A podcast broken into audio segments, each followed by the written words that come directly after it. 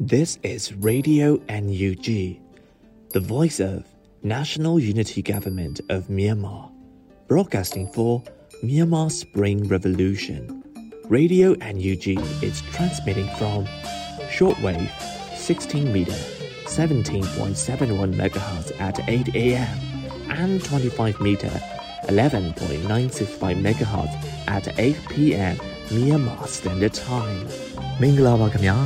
အမျိုးသားညီညွတ်ရေးအစိုးရရဲ့အတန်လွင့်ဌာန Radio NUG ကိုမနက်၈နာရီမှလိုင်းတို16မီတာ7.3 MHz ညပိုင်း၈နာရီမှလိုင်းတို25မီတာ17.665 MHz တို့မှာဓာတ်ရိုက်ဖမ်းယူနားဆင်နိုင်ပါပြီမင်္ဂလာအပေါင်းနဲ့ပြည့်စုံကြပါစေအခုချိန်ကစပြီး Radio NUG အစီအစဉ်တွေကိုဓာတ်ရိုက်အတန်လွှင့်ပေးနေပါပြီ။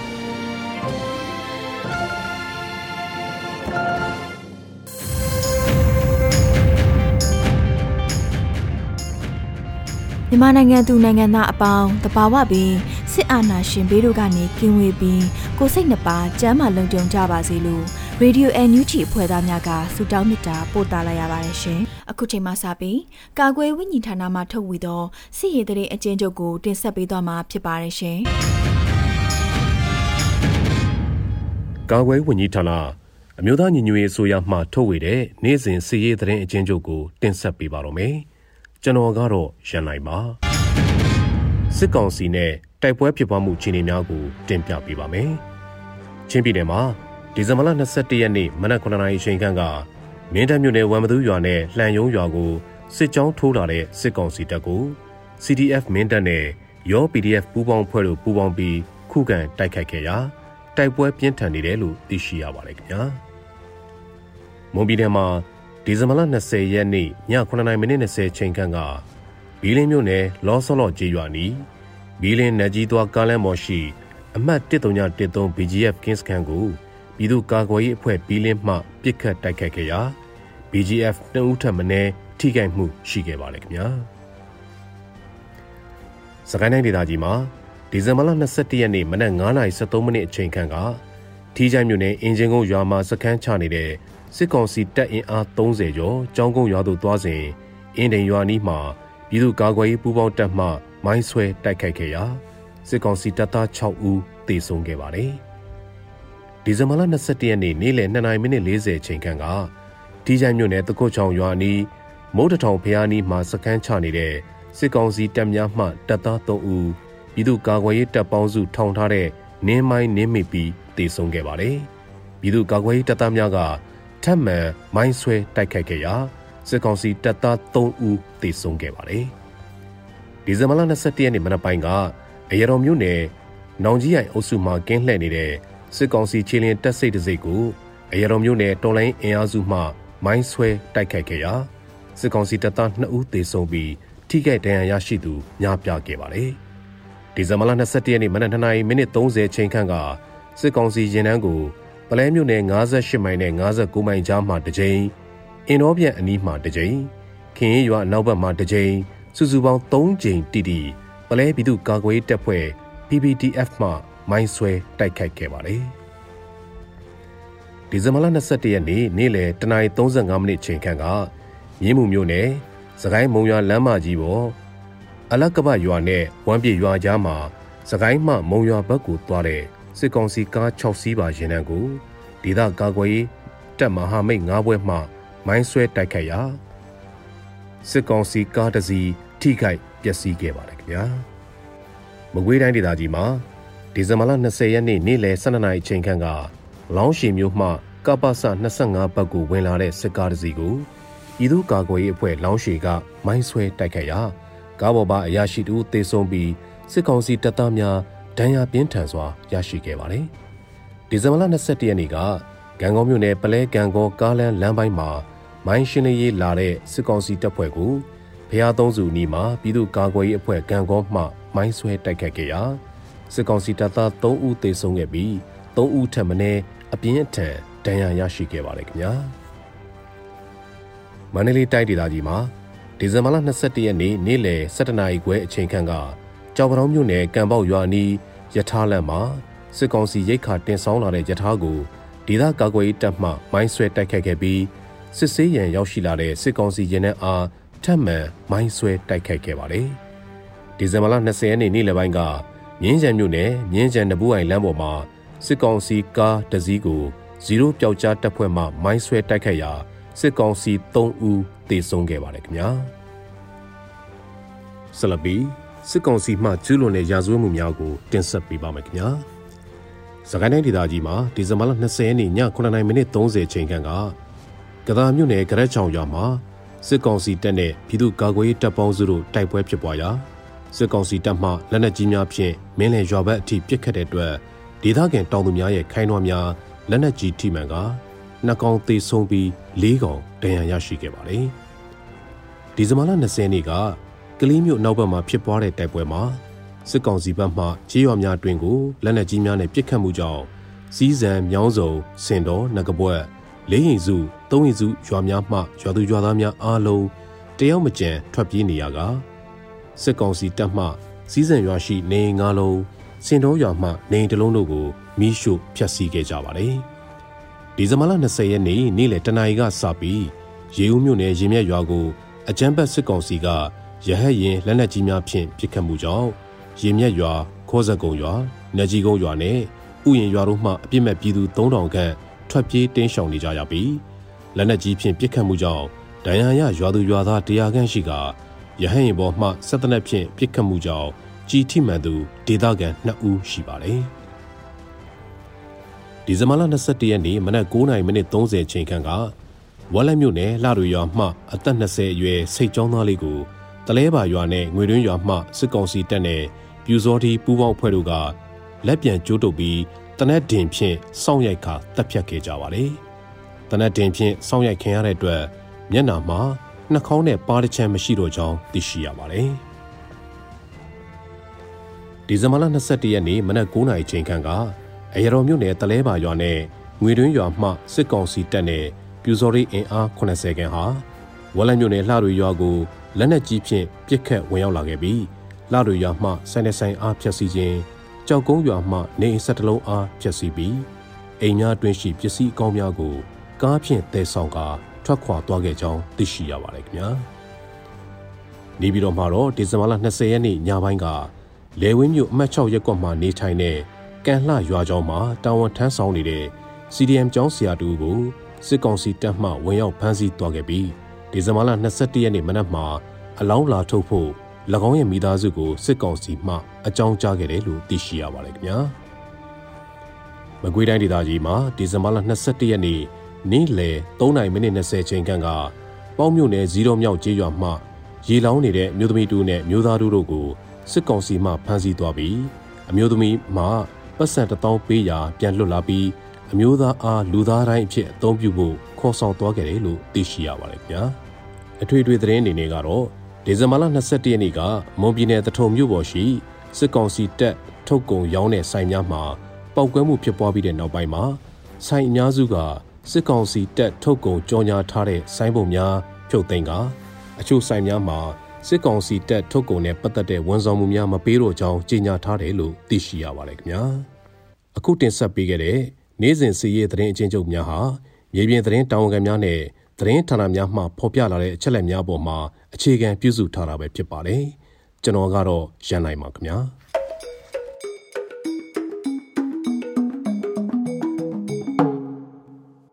ရေဒီယို NUG မှာဆက်လက်အသံလွှင့်နေပါတယ်။အခုဆက်လက်ပြီးပြည်တွင်းသတင်းများကိုຫນွေဦးမောင်မှတင်ဆက်ပေးမှာဖြစ်ပါတယ်ရှင်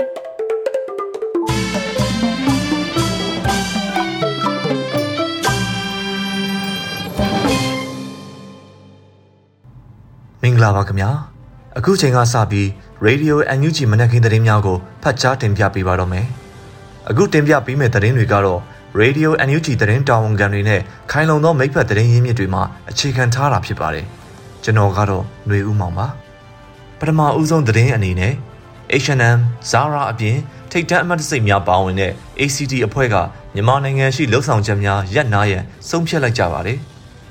H&M, Zara ပိုင်ရှင် Inditex နဲ့ Primark ကဲ့သို့ထိတ်တန့်အမှတ်တစိတ်တွေပါဝင်တဲ့ ACT အဖွဲ့ကမတည်ငြိမ်တဲ့နိုင်ငံရေးအခြေအနေကြောင့်မြန်မာနိုင်ငံမှာသူ့ရဲ့လှုပ်ဆောင်ချက်တွေကိုရပ်နားဖို့ဆုံးဖြတ်လိုက်ကြောင်းပြီးခဲ့တဲ့ဗုဒ္ဓဟူးနေ့ကကြေညာခဲ့ပါတယ်။ February လအာဏာလွှဲပြောင်းမှုဖြစ်စဉ်ပြီးနောက်အလုသမားတွေကိုစားဆောင်ရွက်တဲ့နေရာမှာပြည်ရင်းကအလုသမားသမဂ္ဂအဖွဲ့များကြုံတွေ့နေရတဲ့အခက်အခဲတွေကြောင့်အခုလိုရန်နာဖို့ဆုံးဖြတ်လိုက်ခြင်းဖြစ်တယ်လို့ပြောပါတယ်။ Action Collaboration Transformation ACT ကကဘာလုံးဆိုင်ရာအလုပ်သမားသမဂ္ဂအဖွဲ့ချုပ် Industrial နဲ့ကဘာလုံးဆိုင်ရာကုမ္ပဏီမှတ်တစိတ်တို့ရဲ့ပူးပေါင်းဆောင်ရွက်မှုတစ်ခုဖြစ်ပြီးလုပ်သားများအတွက်ကုမ္ပဏီတစ်ခုချင်းစီကင်တွယ်ဖြည့်ရှင်းနိုင်ခြင်းမရှိတဲ့စားဝတ်နေရေးဖူလုံတဲ့လုပ်အားကတေးခြားစွာရရှိနိုင်ရေးကိစ္စရပ်တွေကိုအဓိကဆောင်ရွက်တယ်လို့သိရပါတယ်။ Industry All ရဲ့ဒေတာတွင်မိတ်ဖက်ဖြစ်တဲ့မြန်မာနိုင်ငံကုန်ထုတ်နဲ့စက်မှုလက်မှုအလုပ်သမားများအဖွဲ့ချုပ် IWFM ရဲ့လက်ရှိအခြေအနေအောက်မှာလွတ်လပ်စွာလည်ပတ်နိုင်ခြင်းမရှိတာက ACT လုပ်ငန်းတွေမှနှုတ်ထွက်ရခြင်းရဲ့အကျိုးဆက်လည်းဖြစ်ပါတယ်။မြန်မာနိုင်ငံအနေနဲ့2018ခုနှစ်မှာစတင်က ACT ဦးစားပေးနိုင်ငံဖြစ်လာခဲ့ပြီး2021ခုနှစ်ဒီဇင်ဘာလမှာအဖွဲ့ဝင်တွေကမြန်မာနိုင်ငံမှာ ACT ရဲ့လုပ်ငန်းဆောင်ရွက်မှုတွေကိုရပ်ဆိုင်းဖို့ခက်ခဲတဲ့ဆုံးဖြတ်ချက်တွေချမှတ်ခဲ့ရတယ်လို့ထုတ်ပြန်ချက်မှာဖော်ပြထားပါတယ်။ ACT အနေနဲ့2021ခုနှစ်မတ်လမှအောက်တိုဘာလအထိနိုင်ငံအတွင်းကအဖွဲ့ဝင်ကုန်အမှတ်တစိတ်တွေနဲ့ချိတ်ဆက်ဆောင်ရွက်နေတဲ့အလုပ်သမားတွေရဲ့ရပိုင်ခွင့်တွေကိုလေးစားလိုက်နာတဲ့ Fast Track Dispute Resolution Mechanism ကိုဆောင်ရွက်ခဲ့တယ်လို့လည်းသိရပါတယ်ခင်ဗျာဆက်လက်ပြီးအာနာသိန်းအုပ်စုလူကြီးလမ်းကြောင်းကိုပေါ်ပေါ်တင်တင်ကြိုးဆိုဖို့ဖိအားပေးခံရပြီးစစ်တပ်ထုတ်ကုန်အားပေးသူအချို့ရက်တက်ကုန်ကြပါတယ်။ မွန်ပြည်နယ်တထုံမြို့မှာဒီဇင်ဘာလ20ရက်နေ့မနက်ပိုင်းကပောက်ကွဲမှုအချို့ဖြစ်ပွားခဲ့ပါတယ်။အာနာသိန်းအုပ်စုအတွက်ဝင်ငွေလမ်းကြောင်းဖြစ်တဲ့စစ်တပ်ပိုင်းနဲ့ဆက်ဆက်တဲ့လုပ်ငန်းတွေကိုရောင်းဝယ်ဖောက်ကားမှုမပြုကြဖို့စစ်အာဏာရှင်စန့်ကျင်ရေးပြည်သူတော်လှန်ရေးဘက်ကနေကနအူးကတဲ့ကတတိပေးထားခဲ့တာဖြစ်ပါတယ်။အဆိုပါစစ်တပ်ထုတ်ကုန်များနဲ့ပတ်သက်တဲ့ရောင်းချမှုဝန်ဆောင်မှုပေးနေသူတွေရဲ့စိုင်ချို့ဘုံပေါက်ကွဲမှုဖြစ်ပြီးနောက်မှာတော့ဒီဝန်ဆောင်မှုတွေကိုမပေးတော့ဘူးဆိုတဲ့ကြေညာချက်အချို့ထွက်ပေါ်လာပါတယ်။ ဆိုင်အများစုဟာစစ်တပ်ထုတ်ကုန်များကိုကြေညာထားတဲ့စိုင်းပုတ်တွေကိုဖြုတ်သိမ်းတာတွေရှိခဲ့တယ်လို့ဝန်ဆောင်မှုလုံးဝမရှိတော့ဘူးလို့ယတိပြတ်ကြော်ညာခဲ့တာတွေလည်းတွေ့ရပါတယ်။ဒီဇင်ဘာ20ရက်နေ့ကစစ်တပ်ထုတ်ကုန်ဖြစ်တဲ့မြန်မာပြည်ဟာမိုက်ဒယ်စင်ကပ် Red Ruby အယောင်ဆိုင်တွေရှိမှဘုံပေါက်ကွဲမှု၅ချိန်ဖြစ်ပေါ်ခဲ့တာပါ။ပောက်ကွဲမှုဖြစ်ပွားတဲ့နေရာတွေကတော့စိုးမိုးမိုဘိုင်းဖုန်းဆိုင်၊သွဝနာဘီယာဆိုင်ရန်ကုန်အဖျော်ရဲမကားအယောင်ဆိုင်နဲ့ပြည်တော်သားအဖျော်ရဲမကားအယောင်ဆိုင်တွေရှိမှဖြစ်ပါတယ်။ ဆိုင်ကန်းနေရာများနဲ့အုပ်စီးရိုးများထိခိုက်ပျက်စီးခဲ့ပြီးလမ်းသွားလမ်းလာစိုက်ကားနေသူတို့အနှဲငယ်ထိခိုက်ဒဏ်ရာရရှိခဲ့တယ်လို့လည်းသိရပါတယ်။ဖောက်ခွဲမှုကိုမွန်တထုံအထူးကာကွယ်ရေးတပ်ဖွဲ့ကလှုပ်ဆောင်ခဲ့တာဖြစ်ပြီးစစ်တပ်ထုတ်ကုန်တွေကိုရောင်းချနေလို့တတိပေးတဲ့အနေနဲ့လှုပ်ဆောင်ခဲ့တာဖြစ်တယ်လို့လည်းသိရပါတယ်။မနေ့ကဘုံတွေပေါက်ပြီးနောက်ပိုင်းမြန်မာပြည်ဟာစိုင်းပုတ်တွေတင်ထားတဲ့ဆိုင်တော်တော်များများစိုင်းပုတ်တွေဖြုတ်ချကြတယ်။အချို့မိုက်တယ်စင်ကတ်ရောင်းတဲ့ဆိုင်တွေဆိုမရောင်းတော့ဘူးလို့ကြေညာလာတာတွေရှိတယ်။ ဒါပေမဲ့ဆက်လက်ရောင်းချတာတွေရှိမရှိဆိုတာကတော့အသေးချာမပြောနိုင်သေးဘူးကျွန်တော်တို့ကိုယ်တိုင်လည်းဒါတွေမတုံးတော့သူတို့ဆက်ရောင်းမရောင်းမသိရဘူးကြားလာရင်တော့လူတွေစီကနေသတင်းတွေကထွက်လာမှာပါပဲလို့ဒေတာခန်တူကပြောပါတယ်ဘုံပောက်ခွဲခံရမှုမှာပါဝင်ခဲ့တဲ့စုံမုံမိုဘိုင်းဖုန်းဆိုင်ကတော့သူတို့ဆိုင်မှာ Mytel နဲ့ပတ်သက်တဲ့မြည်သည့်ဝန်ဆောင်မှုကိုမှမပေးတော့ဘူးလို့ Facebook စာမျက်နှာကနေတဆင့်ကြေညာခဲ့ပါတယ် တဆက်တည်းမှာပဲအာနာသိန်းအဖွဲ့ပြည်내ဝန်ကြီးချုပ်နဲ့ပြည်ထောင်စုဝန်ကြီးရဲ့လမ်းကြောင်းတွေကို CDM မဝင်ကြတဲ့ဌာနဆိုင်ရာဝန်ထမ်းအားလုံးဟာရုံးယူနီဖောင်းအပြည့်ဝတ်ပြီးတွားရောက်ကြိုဆိုဖို့ကိုစစ်ကောင်စီဘက်ကညွှန်ကြားထားပါတယ်။အာနာသိန်းစစ်ကောင်စီကိုနိုင်ငံအနှံ့မှာဒေါ်လန်ပုံငန်သူတွေနှီးမျိုးစုံနဲ့တက်ကြွလျက်ရှိနေပြီးအာနာရှင်လက်အောက်ဂိုလုံခဲ့ကြတဲ့လက်နက်ကင်ဝန်ထမ်းများကတော့ရုံးဝတ်စုံများကိုဝတ်ဆင်သွားလာရခြင်းမရှိပါဘူး။ အခုလိုအာနာရှင်ကတိုင်းပြည်ကိုနိုင်နှင်းစွာထိန်းချုပ်နိုင်ခြင်းမရှိသေးခင်မှာအာနာသိန်းလူကြီးလမ်းကြောင်းတွေကိုတွားရောက်ကြိုးဆိုဖို့ညွှန်ကြားခံရတာကြောင့်စိုးရိမ်နေရတဲ့အကြောင်းစစ်ကောင်စီဝန်ထမ်းတဦးကပြောပါတယ်။လမ်းကြောင်းခီးစဉ်တွေမှာအရာထမ်းအမှုထမ်းဝန်ထမ်းအားလုံးရုံးယူနီဖောင်းအပြည့်စုံနဲ့မဖြစ်မနေတွားရောက်ကြိုးဆိုရမယ်လို့စစ်ကောင်စီရဲ့မွန်ပြည်နယ်အစိုးရရုံးကဒီဇင်ဘာဒုတိယအပတ်မှာညွှန်ကြားလာတာဖြစ်ပါတယ်။ ဒါအပြင်စစ်ကောင်စီလက်အောက်ခံဖြစ်နေတဲ့ဝန်ထမ်းတွေအနေနဲ့စစ်ကောင်စီရဲ့လှုပ်ဆောင်ချက်တွေဟာကောင်းကြောင်းမှန်ကန်ကြောင်းထောက်ခံရေးသားကြရမယ်။အမျိုးသားညီညွတ်ရေးအစိုးရ NUG နဲ့ဆက်ဆက်အဖွဲ့အစည်းတွေရဲ့လှုပ်ဆောင်ချက်ဟာမှားကြောင်းမတရားကြောင်းလူမှုကွန်ရက်ကနေတဆင့်ဝါဒဖြန့်ရေးသားဖြန့်ဝေဖို့ကိုလည်းညွှန်ကြားခံနေရကြောင်းသိရှိရပါတယ်ခင်ဗျာ။ဆက်လက်ပြီးနောက်ဆုံးသတင်းအနေနဲ့တရုတ်ဘက်ကတင်းကျပ်မှုတွေကြောင့်တတိတင်ဖို့ရောင်းချမှုရှုံးများနေစေတဲ့သတင်းကိုတင်ဆက်ပေးပါမယ်။ကျင်စန်းကျော်ဂိတ်ကတဆင့် တရုတ်နိုင်ငံထံဖရဲတင်ပို့ရောင်းချမှုတလနီးပါးခန့်ကြားမြင့်လာပြီးမြဲတရုတ်ဘက်ချမ်းရဲ့တင်းကျပ်လွန်းတဲ့စကတ်သက်စစ်ဆေးမှုတွေကြောင့်မြမဖရဲတင်ပို့ရောင်းချသူတွေအရှုံးပေါ်နေဆဲဖြစ်တယ်လို့ပြောကြပါတယ်။တရုတ်ဘက်ချမ်းကိုဝင်ရောက်ဖို့ရက်ကြာမြင့်စွာစောင့်ဆိုင်းနေရကအသီးအရေးသွေးရောကြလာမှုကြောင့်အရင်ရက်ကကား9စီး6စီးမှာတန်20တရုတ်ကားတစ်စီးရတယ်လို့ခွာညိုတစ်သီးပွဲရုံကပြောပါတယ်။အဲ့ဒီတစ်စီးတောင်မှဈေးကွက်ဝင်တဝက်လောက်ပဲပြန်ရတယ်။ အခုတရုတ်ကဝင်လာတဲ့ခါလီကားထက်ချက်ရင်ဒီလိုဖြစ်နေမှာပဲလို့ဆိုပါတယ်။လက်ရှိတရုတ်ကိုတင်ပို့ဖို့မူဆယ်105မိုင်ကိုရောက်ရှိလာတဲ့မိုးဖရဲတွေက25ရက်ကျော်ရင်ပျက်စီးနိုင်တာကြောင့်ဝယ်လက်တွေထံရောက်ရှိချိန်မှာဈေးကွက်ပြတ်နိုင်တယ်လို့လုပ်ငန်းရှင်တွေနဲ့ညှိနှိုင်းပြီးတင်ပို့ခွင့်မပေးတော့ဘူးလို့105မိုင်တည်တည်ဝန်လန်ကုန်စီတိုင်းမှသိရပါတယ်။ဒါကကယောဂါကာလဂုံသွဲမှုဆိုတော့အတိုင်းထက်လွန်ပြီးမျောလင်းရခတ်ပေမဲ့ကုန်ကြစရိတ်ကြီးကြီးမားမားတွေနဲ့ဈေးအကျနဲ့တိုးရင် ပွဲယုံပိုင်ရှင်တွေထွက်ပြေးရမယ့်အပေါင်းလို့ခွာညိုတတိပွဲယုံကပြောပါတယ်။အားလုံးချိန်ဆပြီးမှပွဲယုံတွေနဲ့တိုင်ပင်ပြီးတင်းသင့်ပါတယ်လို့မှတ်ချက်ပြုထားပါတယ်။ဈေးကွက်အနေအထားအရတရုတ်ဘက်ချမ်းရဲ့ဝယ်လိုအားကောင်းပြီးမြမဖေးရဲ့တကီလိုပေါက်စီ6ရွမ်9ရွမ်အထိရရှိနေပေမဲ့အသီးအရွေးအသွေးကြောင့်ကားစင်းလုံးပြတ်သားရောင်းချပေးနေရပါတယ်။တရုတ်ဘက်ကကြန့်ကြာမှုကိုရှော့ချပြီးမြန်မာခါလီကားအသုံးပြုခွင့် မြန်မာဘက်ချမ်းကလည်းလမ်းကြောင်းမှာမလိုအပ်တဲ့အတားအဆီးတွေချော့ချခြင်းစတဲ့ညှိနှိုင်းဆောင်ရွက်မှုတွေလုပ်နိုင်မယ်ဆိုရင်ပစ္စည်းအမှန်ဈေးနှုန်းအမှန်နဲ့တွက်ချက်မှုရရှိနိုင်ပြီးလောက်တာကင်တာရှိလာမယ်လို့လည်းသိရပါတယ်။ကြံကားရွာမှာဂိုထုကိုထတောက်သုံးရေနဲ့ရေအားလျက်စစ်မီရရှိဖို့အတွက်လည်းအကူအညီလိုအပ်နေပါတယ်။ယခုတင်ဆက်ပေးခဲ့တာကတော့ဒီဇင်ဘာ22ရက်နေ့ရပြည်တွင်းသတင်းများပဲဖြစ်ပါတယ်။ဒီပြည်တွင်းသတင်းများကိုကျွန်တော်ຫນွေဦးမောင်မှတင်ဆက်ပေးခဲ့တာဖြစ်ပါတယ်။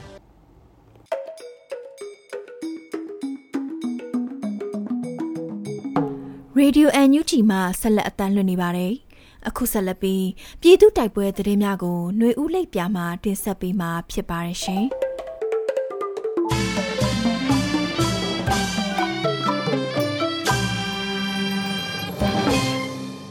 ဒီဇင်ဘာ20ရက်နေ့10နာရီဝန်းကျင်က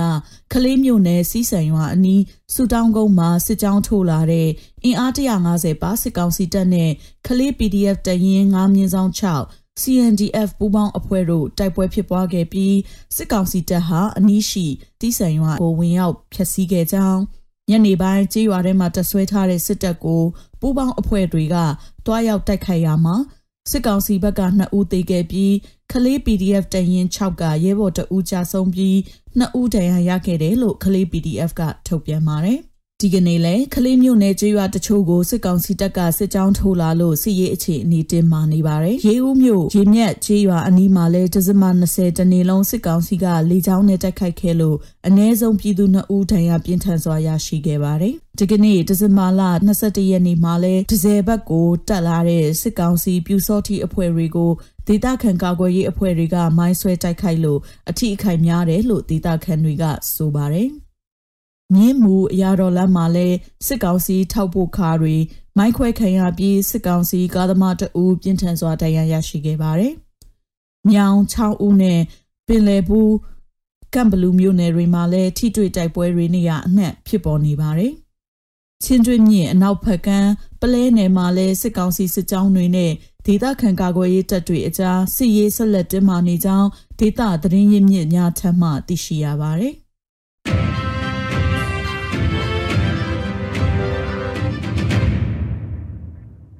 ဆက်လက်ပြီးနေပြည်တော်လက်ဖက်တောင်ရွာအနီးရှိစစ်ကားနှစ်စီးမိုင်းခွဲတိုက်ခိုက်ခံရပြီးစစ်သား12ဦးသေဆုံးတဲ့တဲ့ရင်တင်ဆက်ပါမယ်။နေပြည်တော်ပြည်မနာမြို့နယ်ပြည်တော်ကိုကျေးရွာအုပ်စုလက်ဖက်တောင်ကျေးရွာအနီးစစ်ကားနှစ်စီးကိုဒီဇင်ဘာလ20ရက်နေ့တွင်နေပြည်တော် PDF ကမိုင်းခွဲတိုက်ခိုက်ခဲ့ရာစစ်ကောင်စီတပ်သား12ဦးသေဆုံးကြောင်းနေပြည်တော် PDF ကသတင်းထုတ်ပြန်ပါတယ်။ဒီဇင်ဘာလ20နနက်7:00နာရီခွဲတွင်နေပြည်တော် စစ်ဒေသခွဲ PDF တရင်800နှင့်တက်ခွဲ9ကမိုင်း9လုံးဖြင့်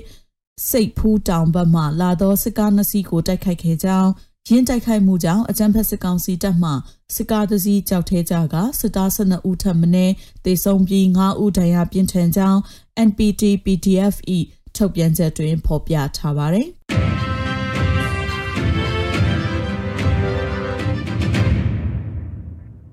ဆက်လက်ပြီး KNU တပ်မဟာ9နယ်မြေအတွင်းစစ်ကောင်စီတပ်နှင့် KNL ကြားယမန်နေ့တိုက်ပွဲနှစ်ကြိမ်ဖြစ်ပွားပြီးစစ်သားကိုဦးသေဆုံး၄ဦးဒဏ်ရာရတဲ့တဲ့တင်တင်ဆက်မှာပါ။ကရင်မျိုးသားအစည်းအရုံး KNU တပ်မဟာ9နယ်မြေဖာပွန်မူတရခရိုင်အတွင်းယမန်နေ့ဒီဇင်ဘာလ20ရက်တွင်အကြံဖက်စစ်ကောင်စီတပ်နှင့်ကရင်အမျိုးသားလူမျိုးရေးတပ်မတော် KNL ကြားတိုက်ပွဲနှစ်ကြိမ်ဖြစ်ပွားပြီး စစ်ကောင်စီတပ်မှ9ဦးသေဆုံးက4ဦးဒဏ်ရာရကြောင်းမူတော်သတင်းစင်ကသတင်းထုတ်ပြန်ပါတယ်။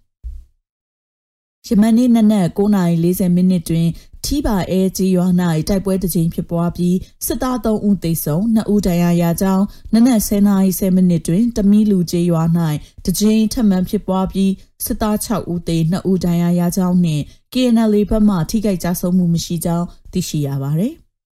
လက်ရှိကရင်ပြည်နယ်အတွင်းအကြမ်းဖက်စစ်ကောင်စီနဲ့ KNLA PDF ပူးပေါင်းတပ်ဖွဲ့ကြားတိုက်ပွဲများပြင်းထန်လာနိုင်သဖြင့်ပြည်သူများစီရေးသတိရှိရန် KNU မူတရသတင်းစင်ကရေးသားထုတ်ပြန်ထားပါတယ်။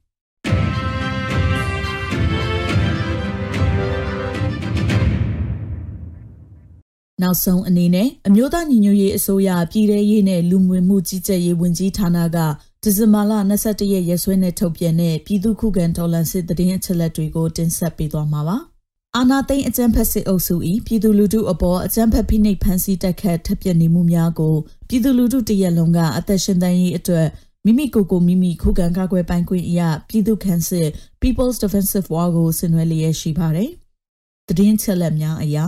20ရက်12လ2021ရက်နေ့တွင်စစ်ကောင်စီတပ်ဖွဲ့ဝင်69ဦးသေဆုံးပြီး ထိခိုက်ဒဏ်ရာရရှိသူ14ဦးထိခုခံတိုက်ခိုက်နိုင်ခဲ့ပါတယ်။စစ်အာဏာရှင်စနစ်မြန်မာမြေပေါ်မှာအပြည့်တိုင်းချုပ်ငြိမ်းရေးနဲ့ Federal Democracy တည်ဆောက်ရေးအတွက်ငြိမ်းချမ်းစွာဆန္ဒပြသည့်လူထုတပိတ်တပ်ပွဲများကပြည်내နဲ့တိုင်းဒေသကြီးများမှာဖြစ်ပွားပေါ်ပေါက်လျက်ရှိပါတယ်။မြေပြင်မှာယခုတွေ့ရတဲ့သတင်းအချက်အလက်များထက်ပို၍ဖြစ်ပွားနိုင်ပါတယ်ရှင်။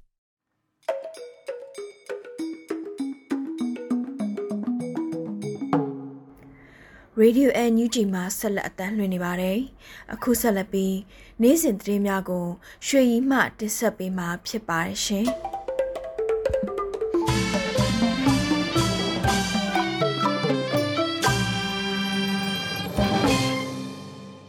အခုပထမဆုံးအနေနဲ့အမျိုးသားညီညွတ်ရေးအစိုးရအဖွဲ့အစည်းအဝေး36မြင်းဆောင်2021ကိုကျင်းပပြုလုပ်ခဲ့တဲ့တရင်ကိုတင်ဆက်ပေးချင်ပါတယ်။ အမျိုးသားညီညွတ်ရေးအစိုးရအဖွဲ့အစည်းအဝေး36မြင်းဆောင်2021ကိုယနေ့ဒီဇင်ဘာလ22ရက်နေ့နနက်10:00နာရီတွင်ကျင်းပခဲ့တယ်လို့သိရပါတယ်။အစည်းအဝေးမှာ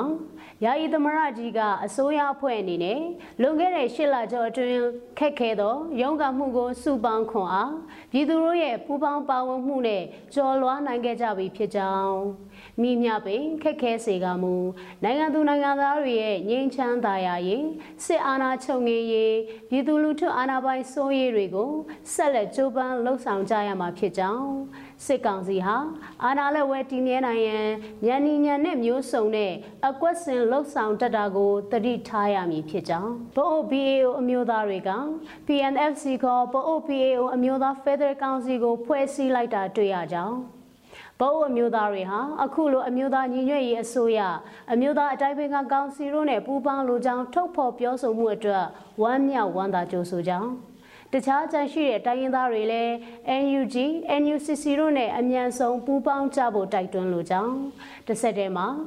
ဒေါ်လာရင်းအတွင်းပြည်သူလူထုရဲ့အသက်အိုးအိမ်တွေဆက်ပြီးမဆုံးရှုံးစေဖို့ຫນွေဦးဒေါ်လာရင်းအောင်မြင်မြန်ဆန်စေဖို့လက်ရှိစစ်တပ်မှတာဝန်ထမ်းဆောင်နေကြတဲ့ ပြည်ချစ်တပ်မတော်သားတွေပြည်သူရဲတပ်ဖွဲ့တွေမှန်ကန်တဲ့ဆုံးဖြတ်ချက်ချပြီးပြည်သူဘက်သို့ပူးပေါင်းကြရန်တိုက်တွန်းလိုကြောင်းတို့ကိုပြောကြားခဲ့ပါတယ်။ပြည်တော်စုဝင်ကြီးချုပ်ကနှွေဦးဒေါ်လာရေးမှာပြည်သူတွေဟာကြောက်ရွံ့စိတ်နဲ့ဒေါ်လာရေးအပေါ်နောက်ဆုတ်အရှုံးပေးသွားတာမျိုးမရှိပဲရှိသမျှစိတ်တက်ခွန်အားတွေနဲ့နေ့စဉ်နီလန်မျိုးစုံအသုံးပြုပြီးညီညီညွတ်ညွတ်တွန်းလှန်နေကြတာကိုမြင်တွေ့နေရလို့ပြည်သူတွေကိုအထူးကျေးဇူးတင်ရသလို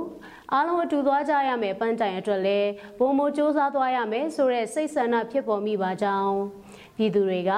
အကြမ်းဖက်စစ်ကောင်စီအပေါ်ကိုစိတ်ဆိုးဒေါသထွက်ကြရုံမဟုတ်တော့ပဲနာနာကြီးကြီးဖြစ်ကုန်ကြတာမို့ဒီအကြမ်းဖက်စစ်ကောင်စီဟာမြမမီပေါ်မှာဘလို့မှဆက်လက်ရက်တီးလို့မရနိုင်တော့ဘူးဆိုတာပိုပြီးသိချလာပါကြောင်း လေးကေကဖြစ်စဉ်ကိုကြည့်ရင်အင်မရန်ဝမ်းနဲစရာကောင်းကြောင်းမိမိတို့နိုင်ငံအတွင်းမှာပြည်သူကိုအကာအကွယ်ပေးမဲ့စစ်တပ်ကအာဏာကိုမက်မောပြီးကိုယ်နိုင်ငံသားချင်းတတ်နေတာကြောင့်အပြစ်မဲ့ပြည်သူတွေမှာကြောက်ရွံ့ပြီးတပတ်နိုင်ငံကိုရာသီဥတုအေးအေးမှာရေထဲမကြောက်မရွံ့ကူးဖြတ်ပြီးခိုးလှုံနေကြရကြောင်းတော်ထဲမှာကြံခဲ့တဲ့သူတွေဆိုရင်လည်းဒီဇင်ဘာလချမ်းချမ်းစီစီမှာလေရင်တန်းကိုနားဆုံပြီးမြေကြီးပေါ်အိတ်နေကြရသည်မှာအင်မရန်ဝမ်းနေဖို့ကောင်းကြောင်း လူတစုရဲ့အာဏာကိုတတ်မှတ်တဲ့လောဘမီဟာအပြစ်မဲ့ပြည်သူတွေအားလုံးကိုဒုက္ခရောက်စေတာတွေ့ရလို့ဒီတော်လှန်ရေးကိုကျွန်တော်တို့အားလုံးမိကုံရန်ကုန်အားထည့်ပြီးအောင်မြင်အောင်လုပ်ရမယ်လို့ယုံကြည်ထားကြောင်းလေးကိကောဖြစ်စဉ်အတွက်စတင်တိုက်ပွဲဖြစ်တဲ့နေ့မှာပဲလုံခြုံရေးနဲ့ကာကွယ်ရေးကောင်စီအဖွဲ့ဝင်အချို့နဲ့သက်ဆိုင်ရာဝန်ကြီးဌာနတွေညအတွင်ချင်းအစည်းအဝေးခေါ်ပြီးလှုပ်ဆောင်တင်တာတွေကိုတိုင်ပင်ဆွေးနွေးဆောင်ရွက်ခဲ့ကြကြောင်း နိုင်ငံခြားရေးဝန်ကြီးဌာနဟာလည်းနေရဆွခွာထွက်ပြေးသွားရတယ်။ပြည်သူတွေကိုနေဆက်ဖြတ်ကျော်ခိုလုံခွင့်ပေးဖို့နဲ့နိုင်ငံတကာအတိုက်အဝန်းမှလည်းစစ်ဘေးရှောင်တွေကိုလူသားချင်းစာနာထောက်ထားမှုအကူအညီတွေပေးနိုင်ဖို့သက်ဆိုင်ရာနိုင်ငံများကိုချက်ချင်းစာတွေပို့ခဲ့ကြောင်း ဝန်ကြီးဌာနများအနေနဲ့တိုက်ပွဲတွေမဖြစ်ခင်ကတည်းကအခြေအနေတွေပေါ်သုံးသပ်ပြီးကြိုတင်ပြင်ဆင်ထားတာတွေရှိသလိုတိုက်ပွဲတွေစတင်လာတဲ့အချိန်မှာလည်းကာကွယ်ရေးဝန်ကြီးဌာနကလည်းကာကွယ်ရေးကဏ္ဍထောက်ပံ့ရေးဆိုင်ရာဝန်ကြီးဌာနတွေကလည်းထောက်ပံ့ရေးကဏ္ဍတွေဆောင်ရွက်နေကြရသလိုတရင်ပြန်ကြားရေးအတွက် PPTV ကလည်းပြည်သူကိုအသိပေးထုတ်ပြန်နေတာတွေစင်ဆက်မပြတ်ဆောင်ရွက်နေတာတွေ့ရကြောင်း ဒီနေရာမှာအရေးကြီးတာတစ်ခုကစည်ရေးကဏ္ဍတွေဆောင်ရွက်ရတဲ့အခါမှာနိုင်ငံရေးကိစ္စတွေလိုပွင့်လင်းမြင်သာမှုဆိုတာနေရာတိုင်းအတွက်မဖြစ်နိုင်ဘူးဆိုတာသိဖို့လိုအပ်ကြောင်းမြေပြင်ကအဖွဲ့ဝင်တချို့စည်ရေးကိစ္စတွေဆိုရှယ်မီဒီယာပေါ်မှာတင်ထားတာတွေကိုလည်းခေါင်းဆောင်တွေအနေနဲ့သတိပေးတားမြစ်ဖို့လိုအပ်လိမ့်မည်ဖြစ်ကြောင်း နှံကားရွာကိစ္စတွင်လည်းတာမန်ပြည်သူတွေကိုလေရင်နဲ့ပုံကျဲတိုက်ခိုက်တပ်ဖြတ်နေခြင်းဟာပြောစရာစကားမရှိရလောက်အောင်ပင်ဖြစ်ကြောင်းဒီတစ်ပတ်အတွင်းမှာစီမံကိန်းဗဏ္ဍာရေးနဲ့ရင်းနှီးမြှုပ်နှံမှုဝင်ကြီးဌာနအနေနဲ့ငွေတိုက်စာချုပ်ပေါင်း8000ခန့်ကိုပြည်သူတွေလက်တွင်ပြန်လည်ပို့ဆောင်ပေးပြီးပြီဖြစ်ကြောင်းထုတ်ပြန်ထားတာတွေ့ရကြောင်း အခက်ခဲတွေရှိပေမဲ့ကျွန်တော်တို့ပူပေါင်းစ조사အားထုတ်ကြမယ်ဆိုရင်အခက်ခဲတွေကိုကျော်လွှားသွားနိုင်မယ်လို့ယုံကြည်ပါကြောင်းတွေကိုပြောကြားခဲ့ပါတယ်။ဆက်လက်ပြီးဝင်ကြီးဌာနအသီးသီးကဆွေးနွေးတင်ပြကြရာဖက်ဒရယ်ပြည်ထောင်စုရေးရာဝင်ကြီးဌာနက NCA နဲ့ပတ်သက်သည့်မူဝါဒကိုဆွေးနွေးတင်ပြခြင်းလူသားချင်းစာနာထောက်ထားရေးနဲ့ PNDS စီမံခန့်ခွဲရေးဝင်ကြီးဌာနကလေးကေကောဒေတာလူသားချင်းစာနာထောက်ထားမှုကိစ္စရပ်များစီမံဆောင်ရွက်ထားမှုအခြေအနေကိုဆွေးနွေးတင်ပြခြင်းပညာရေးဝန်ကြီးဌာနကတက္ကသိုလ်ဝန်ထမ်းစာမေးပွဲစစ်ဆေးရေးမူဝါဒနဲ့ပြင်ဆင်ထားမှုအခြေအနေများအားတင်ပြခြင်းတို့ကိုဆောင်ရွက်ခဲ့ပြီးအစည်းအဝေးကို12မိနစ်40တွင်ရုပ်သိမ်းခဲ့တယ်လို့သတင်းရရှိပါတယ်။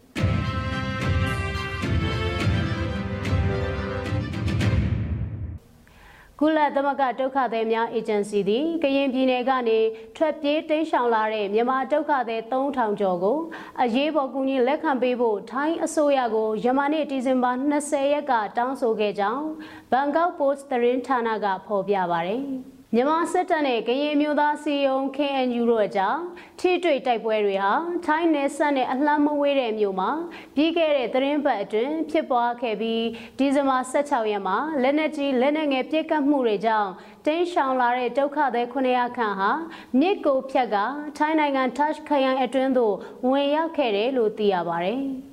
ဒီဇင်ဘာ20ရက်အထိထိတွေ့တိုက်ပွဲတွေဆက်လက်ဖြစ်ပွားနေတာကြောင့်မြန်မာဘက်ကထွက်ပြေးတိမ်းရှောင်လာသူဒုက္ခသည်အရေးအတွက်3900အထိမြင့်တက်လာတယ်လို့ကုလသမဂ္ဂဒုက္ခသည်များဆိုင်ရာ မဟာမင်းကြီးယုံ UNHCR ကပြောပါရယ်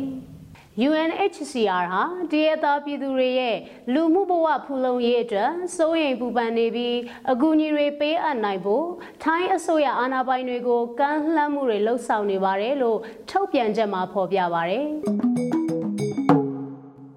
။ဒီကနေ့ကတော့ဒီညနေပဲ Radio NUG ရဲ့အစီအစဉ်တွေကိုခਿੱတရနာလိုက်ပါမယ်။မြမစံတော်ချိန်မနက်၈နာရီနဲ့ညနေ၈နာရီအချိန်တွေမှာပြန်လည်ဆုံတွေ့ကြပါစို့။ Radio NUG ကိုမနက်၈နာရီမှလိုင်းတို16မီတာ7.7 MHz ညပိုင်း၈နာရီမှလိုင်းတို25မီတာ17.665 MHz တို့မှာဓာတ်ရိုက်ဖမ်းယူနားဆင်နိုင်ပါပြီ။မြန်မာနိုင်ငံသူနိုင်ငံသားများကိုစိတ်နှပြကျန်းမာချမ်းသာလို့ဘေးကင်းလုံခြုံကြပါစေလို့ Radio NUG အဖွဲ့သူအဖွဲ့သားများကဆုတောင်းလိုက်ရပါတယ်။အမျိုးသားညီညွတ်ရေးအစိုးရရဲ့စက်သွယ်ရေး တရင်အချက်အလက်နဲ့ဤပညာဝန်ကြီးဌာနကထုတ်လွှင့်နေတဲ့ Radio NUG ဖြစ်ပါတယ်။ San Francisco Bay Area အခြေစိုက်မြန်မာမိသားစုများနဲ့နိုင်ငံတကာကစေတနာရှင်များလှူအားပေးများရဲ့ Radio NUG ဖြစ်ပါတယ်။အရေးတော်ပုံအောင်ရမည်။